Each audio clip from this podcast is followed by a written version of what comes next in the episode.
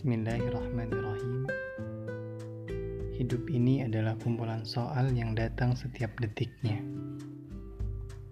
Bumi ini adalah ruang ujiannya, dan Allah adalah pengawasnya.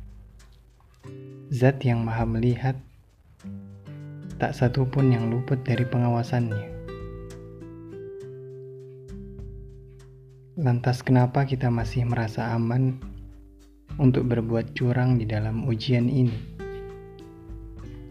merasa aman hanya karena tidak segera dihukum, merasa aman hanya karena tidak segera ditegur. Bisa jadi, lima menit menjelang ujian ini berakhir, jawaban Anda diambil dan dicoret, tidak dianggap dan tidak dinilai satupun apa yang Anda kerjakan.